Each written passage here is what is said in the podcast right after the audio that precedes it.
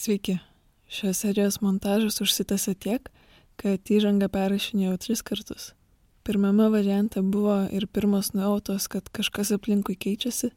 Antrame jau sakiau, kaip keista, jog šiuo metu už namų išeit galiu tik su kauke.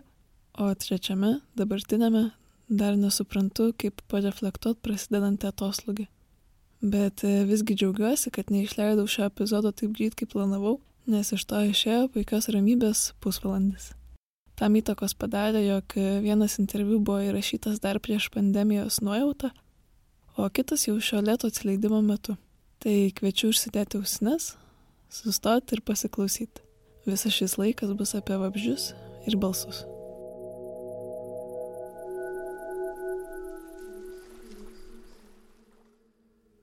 Darbas, apie kurį girdėsit, buvo kurtas prieš dešimt metų. Man tuo metu buvo 13, bet manau, jis išlieka aktualus tiek jausmiškai, tiek žemės krizės kontekstuose. Jeigu kažkas paklaustų, kas man yra lietuvybė, dabar vienas iš atsakymų galėtų būti bitas ir sutartinis. Jas man sujungia albumas pavadinimu Bitelo. Tai albumas susidedantis iš dviejų dalių. Viena yra sutartinės apie bites įrašytos gamtoje, o kita yra grinai bičių garsai vardas Andrius, pavardė Rūgys, o veikla tarpdisciplininė. Stengiuosi apjungti menininkus, mokslininkus, dvasininkus ir paprastus, paprasčiausius žmonės. Šis pokalbis buvo įrašytas vasario pabaigoje ir buvo kol kas tolimiausio atstumo, kokią esu įrašius. Nu, šiuo metu aš esu Majapūro mieste, tai yra šventas toks miestas, Pokalbis su Andrium labai raminantis ir pilnas dvasingumo. Jo savo kasdienybei nelabai pastebiu, o su priglauskausi projektu turiu galimybę išeiti toliau už kasdieninius pokalbius ir išgirsti ne tik savo mintis. Tikiuosi dalis to ateina ir per ausines ir garsiakalbius. Kuris laikas aš seku bakti jogos tradiciją, ateinančią iš vedinės kultūros laikų, nenu, per nenutrūkstamą mokinių mokytojų seką, paramparą ir e, stengiuosi nuolat laik, atsiminti, prisiminti, kad aš esu siela, kad nesu šitas materialus kūnas. Su Andriumi daugiausia kalbėjome apie Bitalą albumo įrašus, nuo ko viskas prasidėjo ir kaip vyko. Tiesiog buvo toks laikotarpis, kada mane patraukė garsas, tas procesas rinkti garsus, juos perklausyt, buvo tarsi meditacija tokia. Iš pradžių tai aš labai labai būtiškai rašiau garsus. Pradėjau rašyti tai netgi su videokamera garsus. Rašiau garsą per vietinį kameros mikrofoną. Paskui iš kasetės išsitraukdavau tik garso takelį, vaizdą aš ištrindavau, nes neturėjau kitų įrenginių. O, o paskui bites, kai pradėjau rašyti, tai buvo minidiskas toksai grotuvėlis nešiojamas ir paprastas mikrofonas imti interviu toksai žurnalistinis. Tai mano senelis buvo bitininkas ir e, teko jam padėti kartą ir važiavau ir kišeniai buvo tas rekorderis ir pradėjau rašyti. Tokio specialaus kažkokio ruošimosi iš pradžių nebuvo, tiesiog atsidūriau ten su rekorderiu ir pradėjau rašyti. Ėjau prie tų bičių, prie lakos, kur bitės lenda į avilį, ten toksai kaip, kaip rūmų vartai tokie. Tai prie jos prieidavau su tuo mikrofonu, priki, tiesiog arti prikiždavau ir girdėdavosi, kaip jos landžiojo. Paskui bendrą erdvę kartu su bitininko darbu, kuomet bitininkas dūlina ten, dūmus pučia jas, apramina iš tikro nepramina, bet joms sukelia iliuziją, kad, kad yra gaisras kažkur ir, ir jos tada eina ant, ant korių ir, ir, ir prisisirbinėja medaus, nes mano, kad teks palikti namus ir kelionėje reikalingas bus medus ir jos tada pildosi atsargas ir dėl to nepuola. Vėliau pradėjau rašyti su tokiu stereo mikrofonu, kurį galima pajungdavau per prailginimą laido. Minidžiakas, minidžiakas, ten tokį laiduką paprasčiausiai. Ir tą mikrofoniuką mažy, mažytis, jis toks buvo, nuleisdavau iš lauko į avilio dugną. Tai gražus perėjimas gaudavosi gars, garsinis toksai.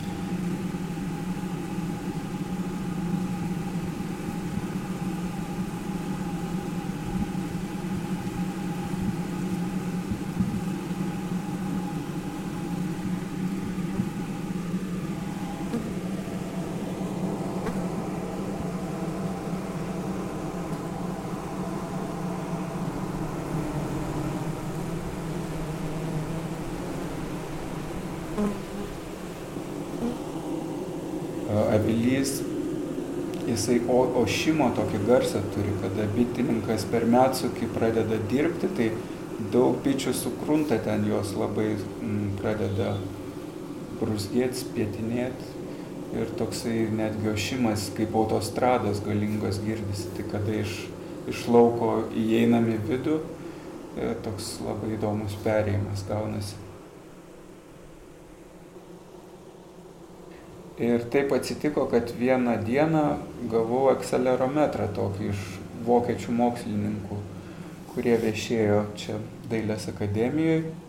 Tai akcelerometras yra toks įrenginys, kuris, kurio dėka galima fiksuoti labai subtiliai virpesius, įvairių paviršių virpesius. Ir ten buvo prie to akcelerometro tokios kapsulės kaip mikrofonai, bet jos ne per membraną gaudavo virpesius, bet per tokias metalinės, metalinius paviršius. Ir tas aparatas galėjo fiksuoti nuo 5 Hz virpesius. Juos naudoja mokslininkai, kad įrašinėti Žemės pavir... įvairių plokštumų poslinkiams, tame tarp ir Žemės paviršiaus plutos judėjimus. Tai 5 Hz yra labai labai jautru mūsų net ausis to ne, negalėtų išgirsti. Ir aš tas kapsulės uždėjau ant korio, kuris natūraliai buvo tuo metu avilyje, kabojo tarp visų kitų korių. Viršus buvo už, užmaskuotas, drobė, tik tais prakirpta vieta tam koriui. Ir uždėjau ant medžio tas kapsulės ir nuėmėm vibra, virpesius, kaip bitės klyjuoja, korį girdėjosi tokį lipšnus garsas, įvairūs kramtimai, gramdimai, ten tokie garseliai. Tai šitas buvo grinai per atsitiktinumą dėka, kad tie mokslininkai apsilankė, buvo padarytas pats subtiliausias bičių įrašas.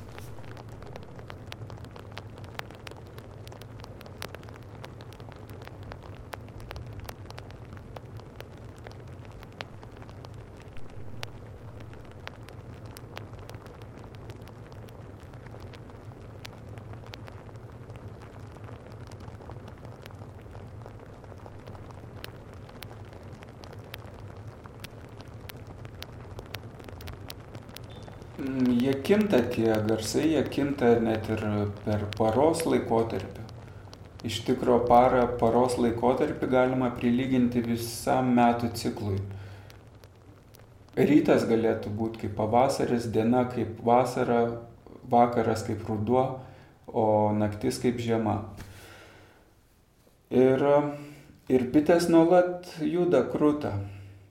Aktyviausios jos būna per šeimos gausėjimo periodą, pavasario vidury, antroji pavasario pusė, vasaros pradžioj. Tada per medunešius, kada žydi sodai, įvairūs medžiai, kada pradeda žydėti. Rudenį, kada šviesta orai, tai daug, daug bičių tiesiog palieka savo kūnus ir avilyje lieka jau gyvos bitės labai nedaugelis.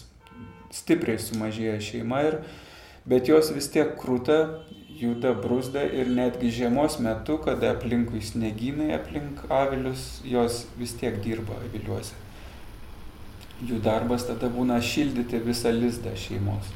Jos į tokį kamolį susiformuoja ir iš vidurio to kamulio bitės juda į išorę.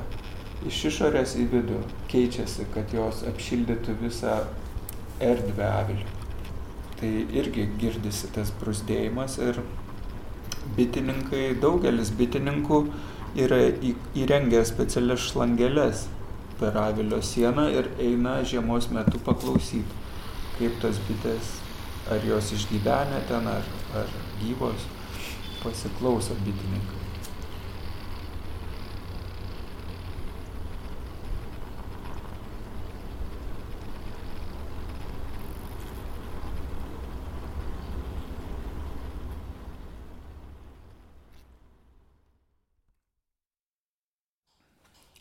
Buvo toks periodas, kada susidomėjau folkloru. Ir su bičiuliu keliavom, įrašinėjom senolės gėdančias senasias giesmes. Ir buvo vienas vakaras, kada vyko įrašinėjimas ir aš nubėgau iki mašinos atsinešti kažko ten, kažkokių daiktų ir, ir būdamas prie mašinos aš girdėjau, kaip kieme jau sauliai nusileidus, tokioj prietemoj, gėda senolė. Ir toks, toks labai labai imtimus buvo, lai, reiškia, laikas, vieta ir pats turinys labai labai uh, tokia esminga, esminga tokį sąskambį kūrė.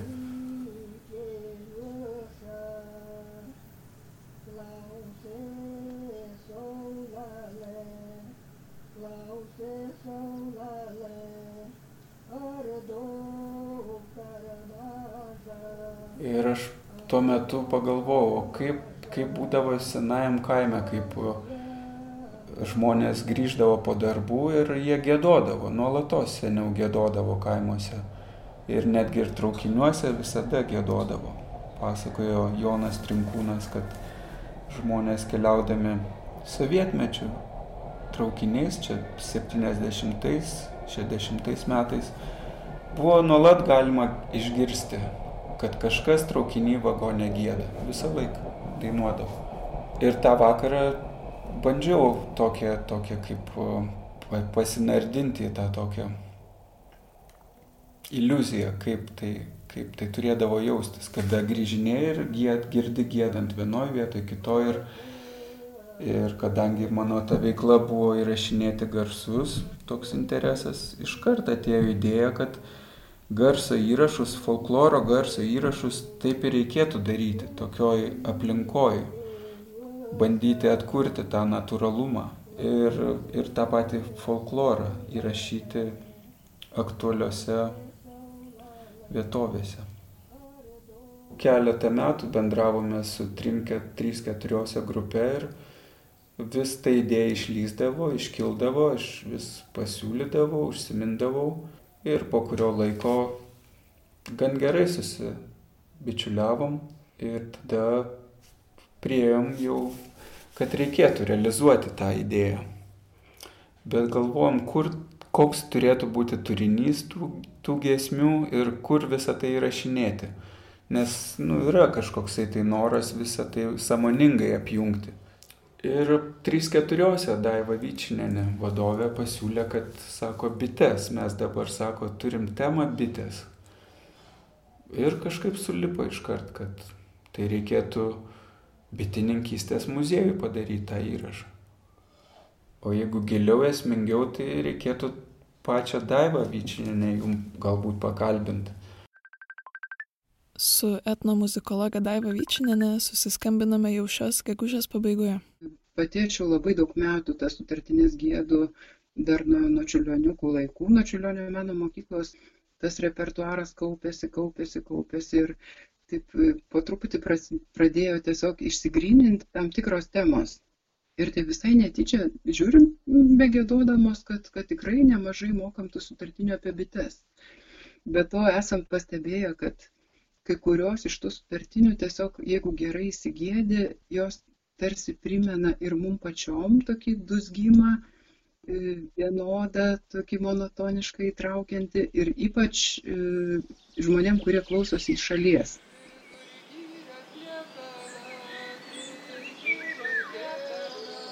Tiesiog tie garsai taip artimai viens kito sukasi, kad, kad sukuria tą tokį tarsi verpimo ratelio ar, ar vad bičių, bičių dūsgesį.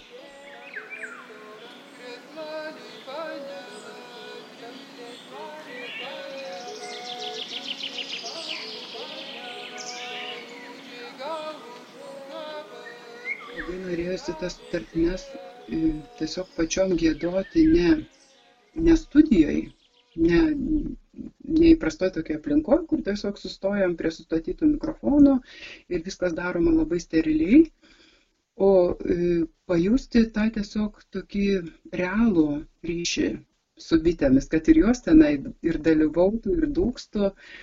E, jau nekalbu apie, apie šiaip visai kitokį potyrį dainuojant gamtoje, net, net ir nesant bitėms.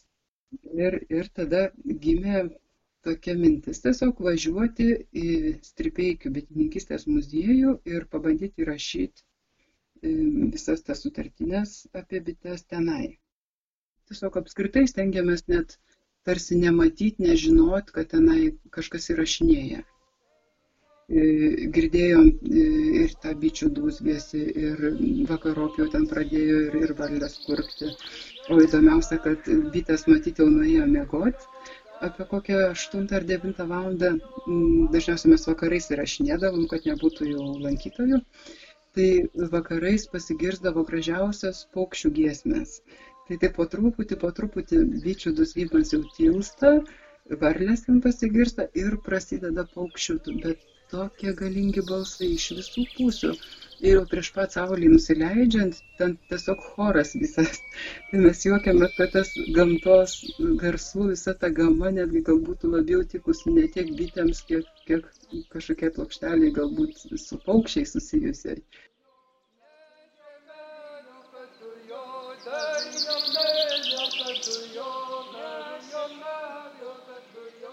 Žodžiu, vis tiek mums iki galo nepavyko išgrynint tokio na sakyčiau visiškai nepriklausomo įrašo kada kada įrašinėtojas garso operatorius apskritai nesikiša tarsi į, į mūsų gėdojimą. Žodžiu, vienaip mes gėdam, kai niekas neklauso, niekas netrukdo, tada gėdam tik savo. Ir taip mes ir manėm, kad taip ir vyks, nes tai gamta, žodžiu, mikrofonai kažkur toli pastatyti, bet pasirodo, kad net ir, net ir gamtoje, net ir tokioj mm, tarsi uždaroj, aptvertoj vietoje, bitininkistės muziejuje, e, tie jautrus mikrofonai gaudė labai labai tolimus garsus. Ir jau mes įsijaučiam, tiesiog panyram į, į kažkokios tai sutartinės nuotaiką, jau gėdam ten kokias šešias minutės ir staiga Andriaus balsas. Sustokit, tolumoje traktorius girdisi. Na ir taip išėjo, kad kai kurias giesmes teko tiesiog kartoti po keletą kartų ir, nu, truputėlį, kaip sakau, nusimušėm mes nuo savo tos pradinės idėjos, kad visiškai gėdam tik savo, gamtai, bitėms, bet jausmas tikrai e, lyginant su įrašais, e, su gėdojimu įrašo studijai, tai yra visiškai nepalyginamas. Nu, apskritai nelygintini dalykai tiesiog toks visiškai mūsų susiliejimas su, su gamta. Toks tikrai atsidavimas, buvimas čia ir dabar visiškai laisvai, ne kažkam, ne publikai, ne, sakau, ne, ne kažkokiam ten operatoriui tarsi, bet atgrinai, grinai savo.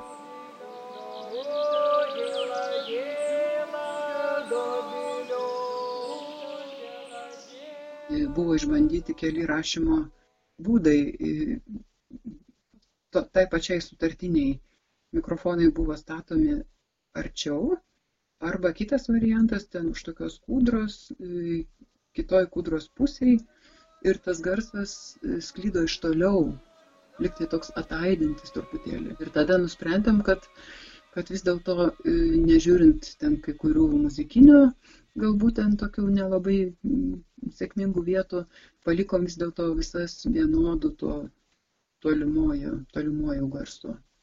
Kažkaip pasirodė taip gražiau, tada labiau išriškėja gamtos garsai, ten visokie dusgėsiai, paukščių čiulbėjimas ir mūsų toks gėdojimas truputėlį lik, lik matinis toks. Kaip čia kažkas išsireiškia, kad toks įspūdis, kad va einu mišku ir ten kažkur toli girdžiu kažką gėdant.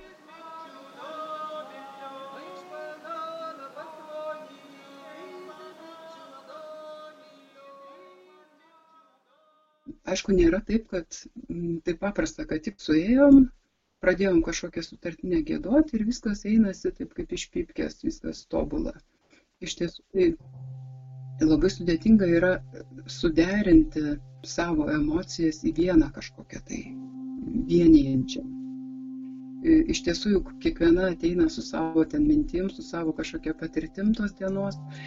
Ir netgi būna taip, kad pradedam gėdoti, tarkim, vienu tempu ir kažkas tai lik nelabai sekasi iš pradžių ir dažnai tai pastebėjom, kad kai ateina kažkoks nusiraminimas, tai net po, po keleto minučių e, tas tempas tarsi sulėtėja, šiek tiek nusistovi ir tokia ramybė įsivyrauja.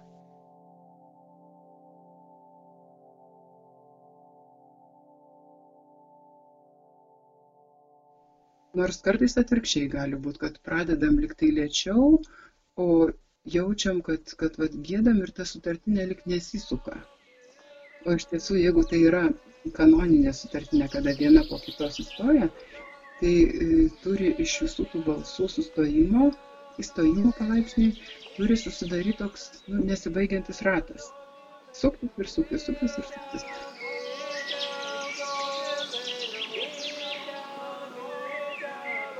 labai įdomus pojūtis atsiranda, kai tas ratas įsisuka, kartais tu tiek tarsi atsijungi nuo šio pasaulio, patenki kažkokią tai liktai kitą erdvę, kitą laiką.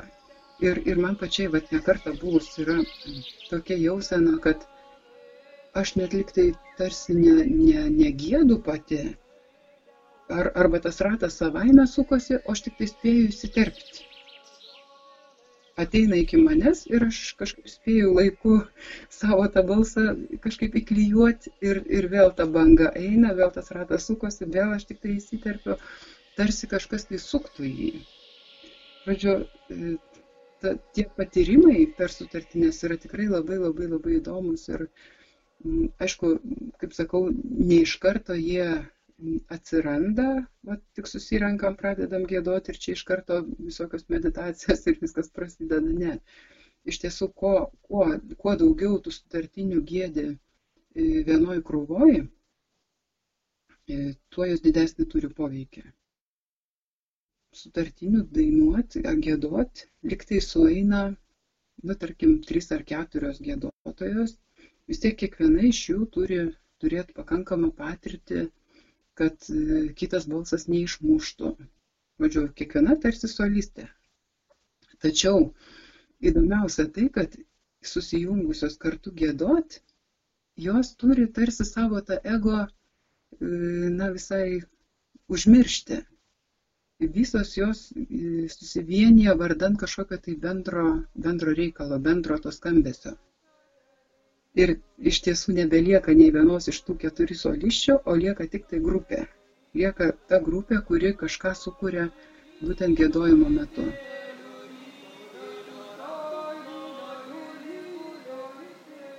Ta viena gėdotoja sutartinių laukia yra kaip, kaip nekarys, jinai yra tik tai sraigtelis tame bendrame kitų gėdotojų, žodžiu, besisukančiame rate.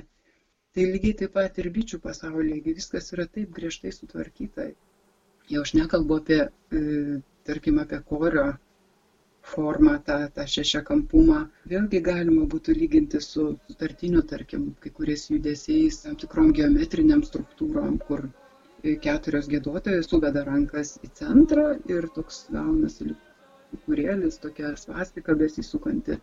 Žodžiu, irgi labai daug simbolikos, labai daug griežtos tvarkos tikrai tokių daug kanonų, kurių, kurių prasmės mes šiandien gal ir nesuprantam, bet jie, bet tie tokie griežti rėmai, jie ir, ir yra sutartinių esmė.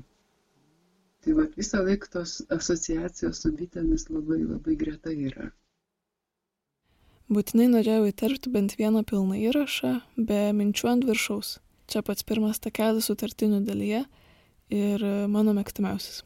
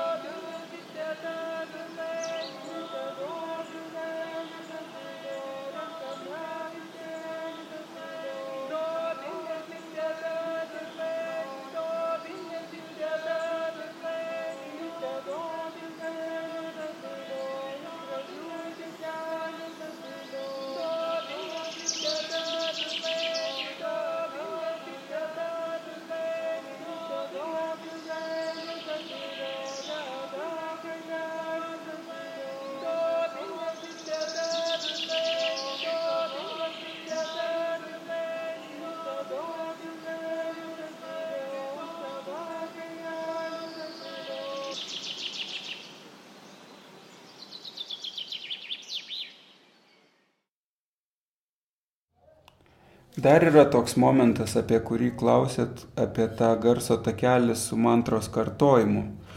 Kodėl jisai, kodėl jisai yra paskutinis. Tai maha mantros kartojimo, kada žmonės kartoja maha mantrą, tai erdvėje gan dažnai galima išgirsti panašią virpesi kaip bičių spiečius dūkstų.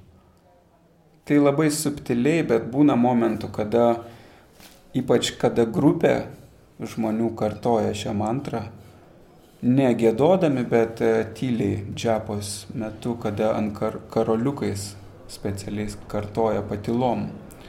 Tai tada erdvėje susikuria toksai, vat, e, angliškai labai geras yra iš, įvardyjimas humming, humming garsas, toksai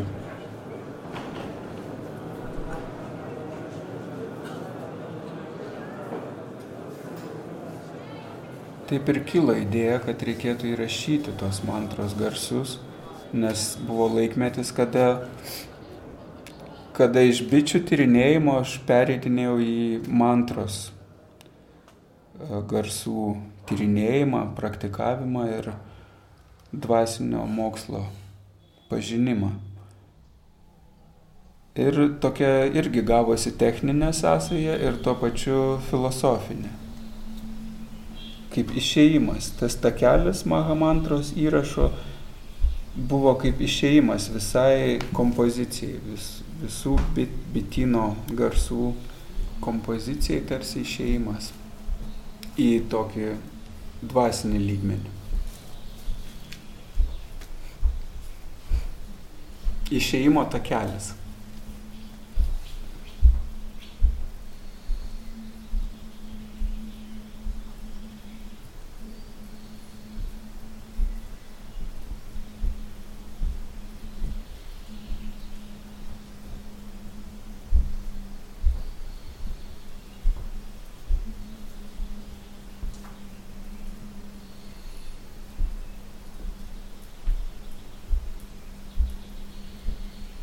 Bet ne, žinot, kiekvienas kūrinijos elementas jisai kūrė pokytį visiems kitiem elementam. Kiekvienas uh, akmenėlis jisai įtakoja visą aplinką. Tik to potencialo jo įtakos, lab, nu, kartais jinai net mes negalim išprotauti, kiek jis yra svarbus kiekvienas elementas visų kitų elementų visumoje. Taip ir su garsu jisai. Garsas labai laisvas yra, laisva energija, jinai keliaujanti yra, nėra sustingusi, jinai ateina pas mus, mes ją išleidžiam paskui kažkam kitam sukuria poveikį, tas kitas vėl perleidžia ją.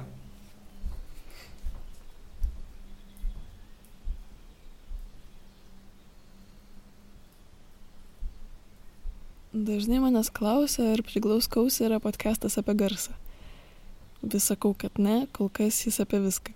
Bet dažniausiai tas viskas vis vien nukrypsta atgal į garsą.